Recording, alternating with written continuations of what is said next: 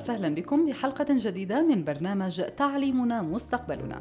اليوم قصتنا عن العالم الفيزيائي الألماني أينشتاين. منذ صغره عانى أينشتاين من صعوبات التعلم، وكان فاقدا للأمل في أن ينجح بحياته. لكن بعزيمته وإصراره على النجاح وبالأمل والتفاؤل وإيمانه بنفسه استطاع أن يكون من أعظم وأشهر العلماء في العالم.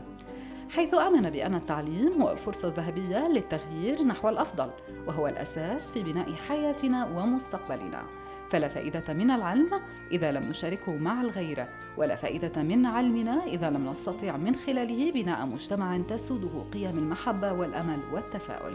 هذه الومضة من ضمن الحملة الشبابية التطوعية المحبة والخير تجمعنا التي تهدف إلى غرس قيم المحبة والأمل والتفاؤل وأفعال الخير بين الناس من خلال التعليم.